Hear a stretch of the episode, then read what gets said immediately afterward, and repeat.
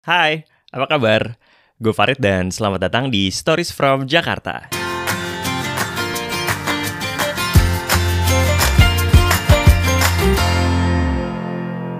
Hampir setiap orang yang tinggal di Jakarta pasti punya kenangan di Tanah Abang ya. Mungkin ada yang kenangannya kena macet, sampai nggak mau banget tuh lewat Tanah Abang. Kalau bisa sih sekali setahun aja deh ke Tanah Abang ya nggak sih? Ada juga mungkin yang kenangannya belanja di pasar sampai-sampai punya langganan tukang panggul. Saya punya nih temen yang kayak gini. Kalau buat gue kecil, ke Tanah Abang itu berarti ngunjungin kakek gue dari bokap yang tinggal di Gang Lontar. Jadi dulu setiap tahun pas lebaran pagi-pagi pasti ke sini dulu. I don't remember much about my grandpa. Well, he didn't talk much every time we visited, but when he did, he surely had a loud voice. Tapi gue gak akan lupa sama rumahnya. It's an old school house full of books and a lot of rooms. That house alone can potentially be a museum. Kalau masuk tuh kita harus naik sedikit gitu, terus di sebelah kiri kebun luas banget.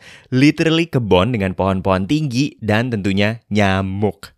Gue ngebayangin sih, kayaknya bokap gue kecil suka main di kebun ini terus di fasad depan rumahnya tuh ada teras dengan tempat duduk dan meja ala-ala rumah dulu lah. Unfortunately, I don't know whatever happened to the house since my grandpa died. Tapi sekarang gue gak akan ngebahas tentang kenangan gue di Tanah Abang. Gue mau cerita ada satu tempat makan yang ternyata seru di sini. Namanya adalah Resto Kapitan Lim.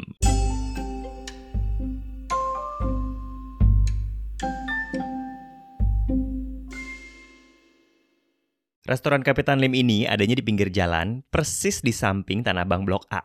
Kalau lo dari Jalan Wahid Hashim kan mentok-mentok tuh Blok A ya. Nah, Kapitan Lim itu ada persis di sampingnya yang ke arah Cideng.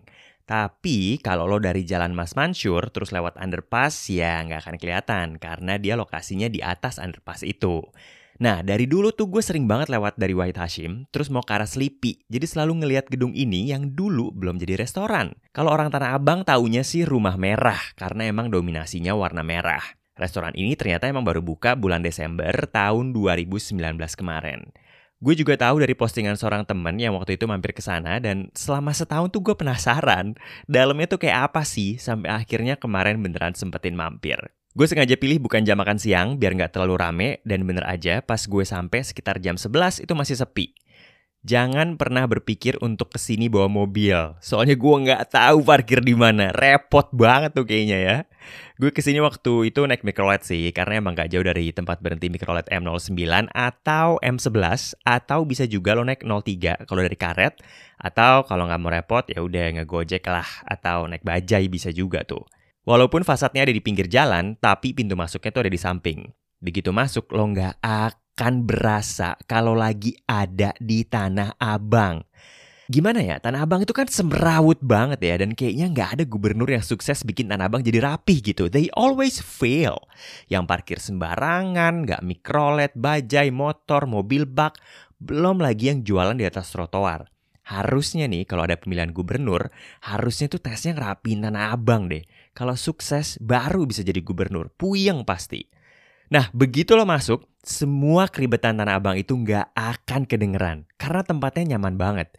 Ada satu referensi yang bilang kalau gedung ini dulunya kelenteng. Gue nggak bisa validasi sih, mungkin iya ya.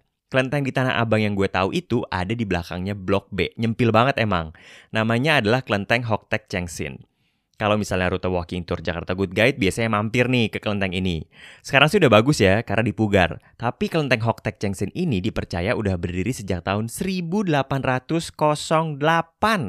Lama banget kan? Well, it's not as good as kelenteng di Glodok of course ya, karena yang di Glodok itu kan di pecinan, memang banyak orang Tionghoa yang tinggal di situ.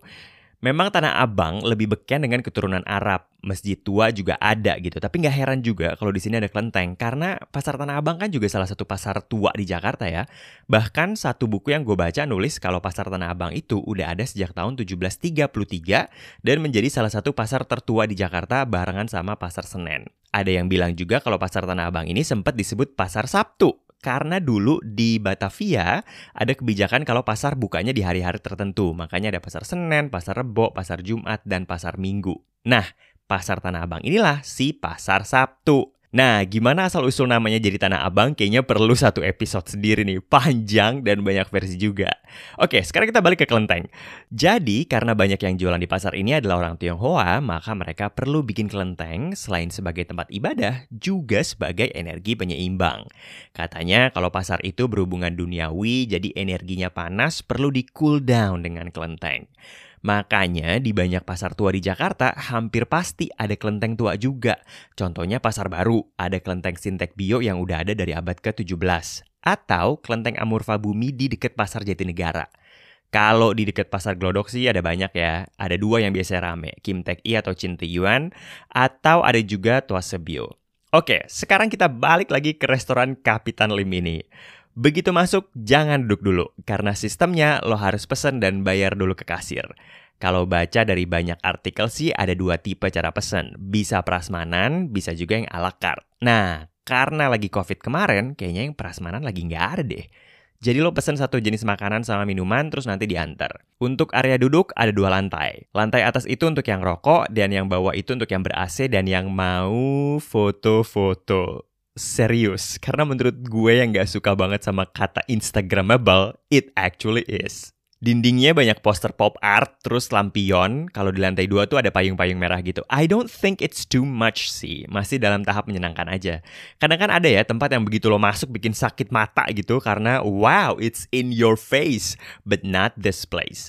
Dan jendela resto ini tuh gede-gede banget, jadi lo bisa ngeliat keluar. Tapi pas gue mau duduk di kursi yang ada jendela, temen gue bilang, terus pemandangan makan lo kesenjangan sosial gitu.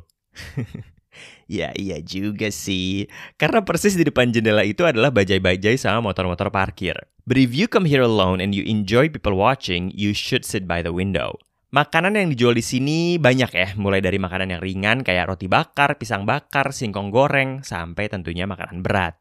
Makanan beratnya juga ada pilihan mie udang, mie goreng, kue tiaw, nasi goreng, lontong cap gome, ada juga rice set, nasi ayam dengan berbagai macam cara masak, sweet and sour chicken, orange chicken, salted egg chicken, kung pao chicken, ada juga beef broccoli, ada juga nasi lemak. Nah, kemarin gue pesen kue tiaw Medan seafood karena kayaknya seru aja di tempat gitu makanannya kue tiaw. Plus di menunya, kue tiaw itu salah satu yang recommended. Pas gue coba, cara menurut gue sih biasa aja ya. It's not amazingly delicious, but it's not bad juga.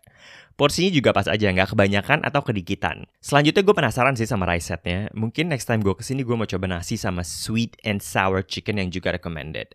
Harganya aman ya, harga restoran sih. Satu porsi kue tiaunya itu 35 sampai 45 ribu, tergantung lo pilih yang ayam atau beef atau seafood. Untuk rice setnya itu sekitar 45 sampai 55 ribu rupiah. Kalau cemilannya dari 25 sampai 35 ribu. Minumannya juga aman lah kalau es teh manis aja cuma 15 ribu. Yang agak mahal itu kalau lo pilih jus-jusan sekitar 25 sampai 28 ribu. So overall it's pretty good. I like the ambience, I like the decoration, the food and the drinks were okay. Will I come back? I surely will. Dan tetap akan ke sini kalau bukan jam rame sih di masa covid gini. Karena gue nggak tahu ya kalau jam makan siang itu bisa serame apa. Eh, by the way tempatnya sih luas ya. Tapi you'll never know kalau misalnya rame tiba-tiba jadi penuh aja sempit gitu kan. Oh iya, cuplikan foto tempat ini bisa lo lihat juga di Instagram atau TikTok Stories from Jakarta ya. In the meantime, thank you for listening and see you on another episode of Stories from Jakarta.